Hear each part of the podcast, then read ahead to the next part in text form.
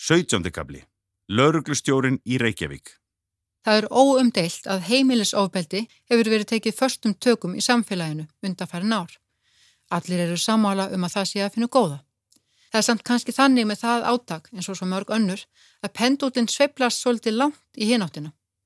Frá því að vera engamál fólks inn á heimilinu fór heimilisofbeldið út í að vera allstæðar. Með breyttu verklægi sem tekið var upp árið 2015 hefur fjöldi slíkra mála sem nú eru kölluð ofbeldi í nánu sambandi, aukist verulega. Árið 2016 voru tilkynningar vegna ofbeldis í nánum samböndum 652 talsins. Einn þeirra tilkynninga var það að mér sjálfa. Ég er einn þeirra meintu 652 heimilisofbeldismanna sem var tilkynntum þetta ár. Ákæran sem mér var byrt tæpum tveimur árum eftir að Alexandra og Davíð ruttu sér leiðin á heimili mitt og réðust á okkur hjónin, var gefin út af ákjærusviði lauruglustjóra og undirrituð af Sigriði Björk Guðjónsdóttur, lauruglustjóra á höfuporkasvæðinu. Sigriður hefur verið forsvarsmaður breyttra hátta varðandi ábeldi í nánum sambandum. Hvernig hún lagði saman tvo og tvo og fekk út að ég, kona sem var í sakleysi sínu heima hjá sér, lögadags hátegi í júli, og tók á móti spörkum frá barðsmóður eiginmann síns sem hafði ruðst óbóðin inn í húsið, er þið kærð fyrir ofbeldi í nánu sambandi, það bara skil ég ekki. Það sem mér finnst enn merkilegra er að Alexandra, sem saksóknari hefur viðkent að hafi vissulega framið húsbrott, hafi ekki verið ákjærð. Mér sárnaði þegar ég áttaði mig á því að Sigriður Björk skrifaði sjálf undir ákjæruna. Ég þekki hann ekki persónlega en hef fylst með störfum hennar og fundist mikið til hennar koma. Ég óskaði eftir fundi með henni og hún tók á móti mér og Karli bróðum mínum á lauruglustöðinni í byrjun november. Þarna voru við sískininn bara orðin bísna brött eftir nýrnaskiptin. Réttarhöld voru fyrirhugð í máli okkar hjóna þremur vikum síðar. Sigriður Björk tók okkur vel en sagðist af ásettur áði ekki hafa kynnt sér málið áður en hún hitti okkur. Það vakti förðu mína að hún vissi ekkert um málið þar sem hún skrifaði sjálf undir ákæruna á mig. Eftir fremsta megni reyndi ég að lýsa málsatvikum.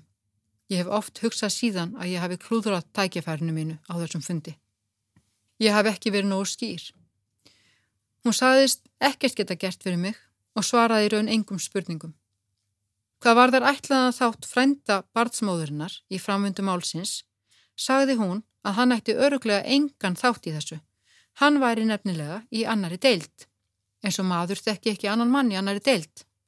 Tæpu ári eftir þennan fund með lauruglustjóra sendi ég henni bref með sex einföldum spurningum. Nú, fimm mánuðum síðar, hefur mér ekki borist svar.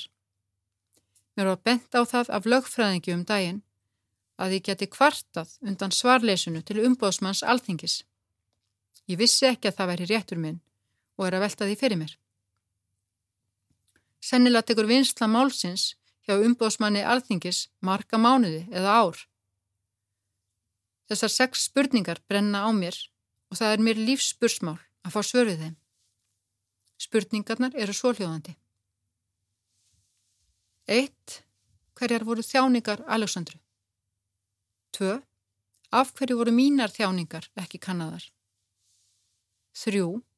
Þjónaði það almanna hagsmunum að ákjara mig en ekki Alexandru? Fjögur. Af hverju var málið ekki rannsakað? Fimm. Af hverju var Davíð ekki ákjærður? Seks. Af hverju var ósk okkar um að málið er þið tekið fyrir hjá öðru ennbætti ekki virt? Það er freistandið að álíkta sem svo að Alexandra hafi notið tengsla við frænda sinn sem var á þessum tíma yfirmaður hjá rannsóknadelt lögurglunar í Reykjavík. Sá var nánast tekin í guðatölu þegar hann kom fram fyrir hönd ennbættisins við rannsókn mannskvarfs árið 2017. Í tengslum við það mál var tekið bladaviðtal við Alexandru þar sem hún lýsir frænda sínum sem þeim sterkasta í fjölskyldunni og henni hefði alltaf þótt gott að leita til hans ef eitthvað bjátaði á. Ég reyna að koma mér út úr þessum hugsunum. Geðlæknirinn minn er búin að benda mér á að svona samsæriskenningar séu ekki til neins annars en að gera mig brjálaða í hausnum. Hvort læknirinn að bráðumóttökunni þekkti til Aleksandru og Davís löggufrændi blikkaði einhvern eða móðursýstir Alexandru var vinkona og vinnufélagi dómarans eru bara getgátur. Ég verð að innblýna á staðreindir og úr þeim er við snóa móða.